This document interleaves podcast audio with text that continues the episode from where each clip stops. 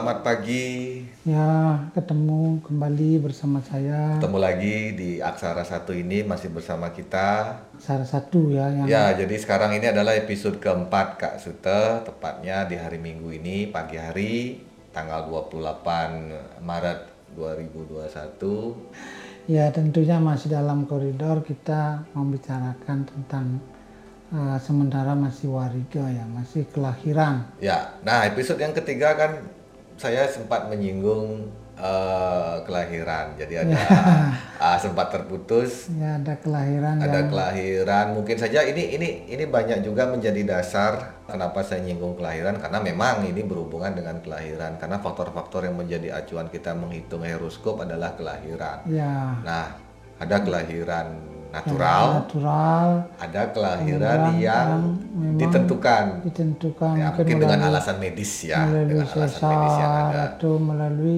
proses eh, apa namanya ditetapkan oleh dokter bahwa tidak bisa dilahirkan secara normal. Ya.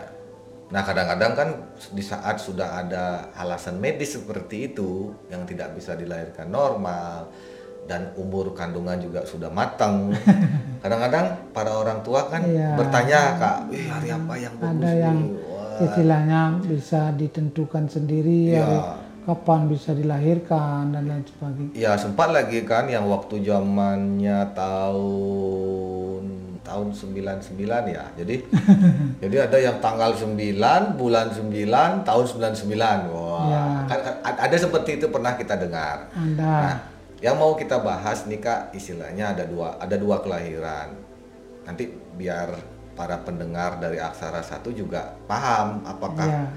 apa yang menjadi acuan dasar kelahiran yang bisa Ya, dikategorikan kalau, masuk. eh, misalnya ya ini karena kebetulan kita bicara mengenai soal kelahiran, sebetulnya di dalam rumusan orang Bali atau sesuai dengan ketentuan wariga yang ada, kelahiran itu terjadi ya terlepas dari apa proses terjadinya sebuah kelahiran. Kelahiran itu, eh, wariga itu menetapkan bahwa kapan mereka bisa eh, terlahir ke dunia ini dan melihat dunia ini sendiri, mas maring garbo ya artinya keluar dari kandungan. Jadi pada saat itulah mereka sudah di- bisa dikategorikan terlahir. terlahir. Ya karena di dalam uh, prosesi umat Hindu terutama yang ada di Bali semenjak mulai apa namanya pernikahan sehingga terjadinya embrio atau pertemuan uh, genetik ya kemudian uh, terjadinya hamil atau kandungan Pembuahan. pembuahan di dalam kandungan itu sudah ada uh, rentetan apa namanya peringatan-peringatan yang dilakukan oleh uh, umat Hindu di Bali. Misalnya kalau di dalam kandungan namanya megedong-gedong ya Iya. upacaranya.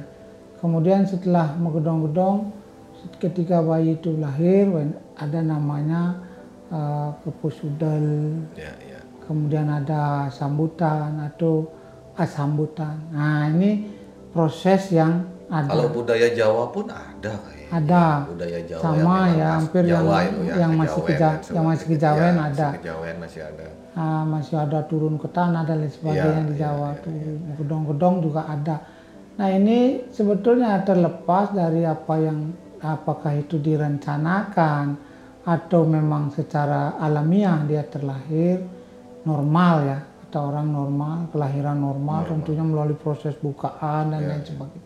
Tapi ketika dia dioperasi ya itu sudah merupakan ketentuan nasib, Nasib seorang sang lahir. manusia ya, Ya, berarti- seorang yang terlahir ke dunia ini. Ya, Berarti apa pun alasannya manusia ini terlahir di Ya, tetap dunia kita ya itu tetap melihatnya melihat dari- hari itu ya. dari proses kelahiran itu sendiri. Ya. Artinya hari pada saat mereka dilahirkan. Kapan dilahirkan? Misalnya hari ini jam berapa jamnya. Jadi misalnya kalau malam tentunya kita sampai limit waktunya sampai matahari sebelum matahari terbit itu masuk hari uh, yang sebelumnya. Ketika matahari sudah terbit maka hari yang sesudahnya. Jadi seperti itu proses sebuah kelahiran yang bisa uh, kita hitung menurut uh, warigo atau primbon yang ada di dalam um, perhitungan Bali itu sendiri. Ya. Jadi kan kalau pema dulu saya sering dengar mungkin di apa ya di informasi ataupun di gosip-gosip Ya. gitu kan ada yang memilih tanggal tanggal tahun 2010 tuh kak kalau nggak salah kan ada tak lahir tanggal 10 bulan 10 2010. Ya, Nah maksudnya mungkin kalau bisa ini lebih baik bukan nomornya yang bagus tapi arti dari kelahirannya Ya. kaya. Jadi istilahnya seperti yang saya bilang perhitungan perbintangannya ya itu yang penting. Kalau di dalam hitungan Bali itu tidak ada pengaruh dengan apa namanya uh, nomor cantik. Cantik. emangnya emangnya nomor Ya. telepon. Tidak ada nomor cantik. Ketika misalnya seperti anak saya tanpa diprediksi dia lahir tanggal 3 bulan 3 Eh, ya tepas eh, tahun 2003 gitu seumpama. ya itu tidak ada eh, yang jelas kalau di dalam kalender Bali atau kalender Warigo itu yang menentukan adalah hanya seperempat ketentuan kelahiran itu akan mempengaruhi eh, tabiat seseorang eh, di dalam perjalanan kehidupannya. Yang lebih banyak berpengaruh adalah bagaimana ketika dia sudah lahir. Jadi situasi, kemudian lingkungan dan lain sebagainya ini yang dominan akan berpengaruh.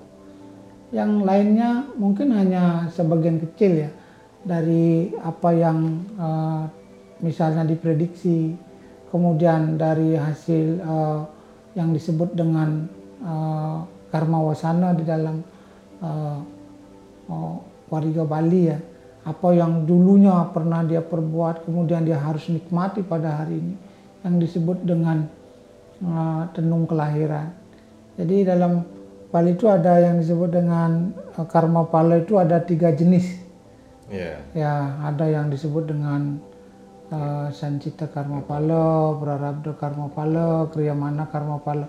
Jadi dulunya kita berbuat, sekarang kita nikmati. Hmm, sekarang kita berbuat, sekarang langsung dinikmati.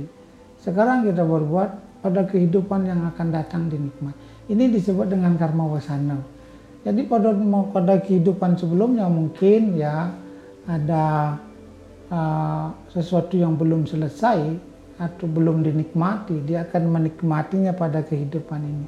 Nah, di sanalah fungsi daripada uh, wariga itu sendiri akan memberi gambaran Iya. Ah, dan perjalanan perjalanannya ah, nanti akan diberikan apa namanya di ah, tapi ini tidak berpengaruh secara keseluruhan ya atau 100% akan mempengaruhi kehidupan manusia.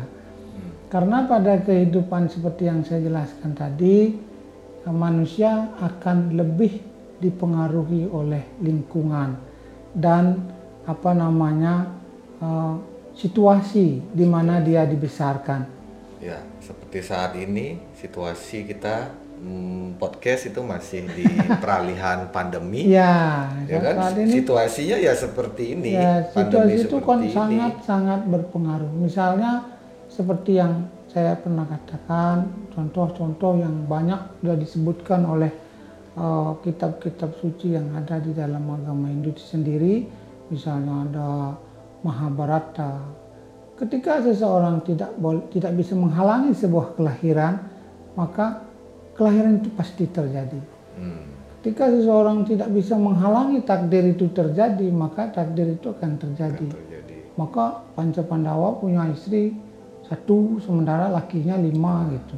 Secara etika ini tidak baik, tetapi itu terjadi begitu. Kemudian seorang karena dia harus terlahir sebelum ibunya menikah, jadi aneh seorang perempuan yang belum punya suami harus punya anak. Jadi kelahiran tidak bisa dilarang. Ya. Karena sudah takdirnya seorang karena dilahirkan. Dilahirkan. Nah, jadi seperti itu kira-kira apa yang akan terjadi pasti terjadi dan apa yang akan uh, pergi dari kehidupan ini pasti akan pergi dan apa yang akan datang pada kehidupan ini pasti akan datang, tidak bisa dihalangi. Ya, seperti tagline kita Kak di Aksara Satu past, present, and future mystery. Wah itu kalau bawa bahasa Inggris. Nanti kita akan rubah bahasanya jadi bahasa apa namanya kak? Sanskerta. ya. Sanskerta apa bahasa Bali atau bahasa Ya apa? dalam bahasa Kawi itu disebut dengan ya sama ya bahasa kalau Bahasa kita Kawi, ya. bahasa Sanskerta saya tidak tahu ya tidak mengerti. Ya, ya, ya. Kalau bahasa Kawinya ada Adita, Nagata, Wartamana yang dulu, yang sekarang, dan yang akan datang. Jadi apa namanya dalam warga ini nanti lebih spesifik pada episode berikutnya kita akan membahas mengenai uh, uku per uku ya. Ya, jadi tadi sempat sedikit menyinggung masalah kelahiran. Jadi tidak ada perbedaan kelahiran baik itu yang natu, eh, normal Tidak ya ada. bahasa ataupun yang eh, Semuanya akan sesuai sama. yang diatur oleh dokter. Semua sama. Jadi hitungannya adalah ke kembali lagi sang lahir itu memang harus lahir Ya. pada saat itu. Tapi dengan dengan catatan begini kak, ada hal yang menarik tadi Kak Suta sampaikan adalah hal-hal seperti ini ber, ber- apa mempengaruhi hanya seperempat. Seperempat. Oke, seperempat. Kita coba asumsikan seperti ini. Ini ini adalah sebuah cerita ataupun obrolan kita berdua di mana coba menggabungkan antara sebuah kebudayaan kuno dan eh, apa logika-logika saat ini. Sumpama semua terpengaruh oleh eh, apa namanya lingkungan dan Ya. apa yang dilakukan pada saat sekarang. Apa yang saya maksudkan tadi itu adalah seperti ini, Mangku. Artinya, eh, kenapa seperempat? Misalnya begini, karakter seseorang itu akan terbentuk oleh situasi dan lingkungan. Ketika mereka terlahir di keluarga yang mungkin keras, mungkin apa namanya pemarah, walaupun mereka lahir di uku yang lemah lembut. Nah, Tetapi sedikit tidaknya menarik ini. warga, eh, eh, watak mereka akan ikut dengan eh, situasi Tapi tadi. jangan salah kak, ada sebuah eh, sumber yang saya baca dan saya dengar juga karakter dan kepribadian itu berbeda. Ya, Nah, karakter itu lebih cenderung kalau bisa dikatakan adalah lebih luas ininya eh, eh, eh, penelusurannya karena berhubungan dengan gen Ya. orang tuanya siapa kakeknya Ya, mungkin ya. ya eyangnya wah pokoknya naik-naik nah itu karakter mungkin saya lebih cenderung dengan eh, penjelasan Kak Suta tadi adalah contohnya adalah yang lahir punya sifat lemah lembut Hmm. berada di lingkungan yang keras ya, sedikit tidak dia akan menjadi keras. akan sedikit tidak akan menjadi keras berarti saya lebih cenderung itu bukan karakter tapi kepribadian kepribadiannya. karena kepribadian adalah hal yang bisa dibentuk Ya, diadopsi ya. Iya, diadopsi karena kepribadian itu adalah eh, saya sempat sumbernya adalah kepribadian adalah topeng sosial. Jadi dia harus menunjukkan Ya, kepribadian pada lingkungannya. lingkungannya. Jadi mereka seperti binatang eh, harus beradaptasi. Ya, Ketika mereka beradaptasi, mereka akan meng- mengadopsi situasi dan kondisi yang ada di mana mereka tumbuh dan berkembang ya. ya. Jadi kalau seumpama bisa saya eh, sedikit ikut menjelaskan kepada pendengar pada saat acara salah satu ini adalah yang dimaksud oleh Kak Suto seperempat itu bisa jadi mempengaruhi. Pengaruh daripada kelahiran atau karma usana ini sendiri akan seperti tadi eh, persentasenya mungkin hanya seperempat. Selebihnya adalah eh, apa yang menjadi memang secara eh, prinsipil mereka memiliki jiwa itu. Cuma ketika mereka tumbuh di alam yang berbeda sama dengan eh, binatang ya. Walaupun binatang ini tidak suka memakan daging, tetapi ketika dia tumbuh di alam yang keras, di alam yang gersang, yang harus berjuang untuk mendapatkan makanan, maka mereka akan menjadi binatang yang sangar.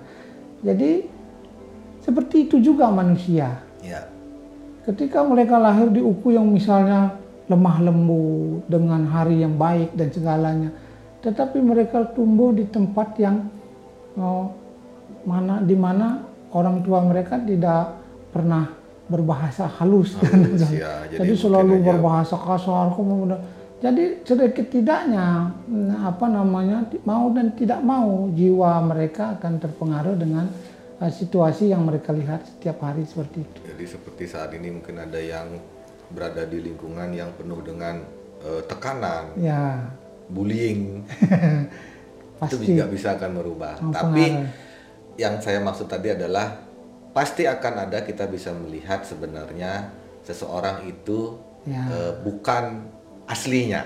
bukan asli. Ya, jadi istilahnya ada seseorang yang memang mempunyai tabiat eh, keras, Ya.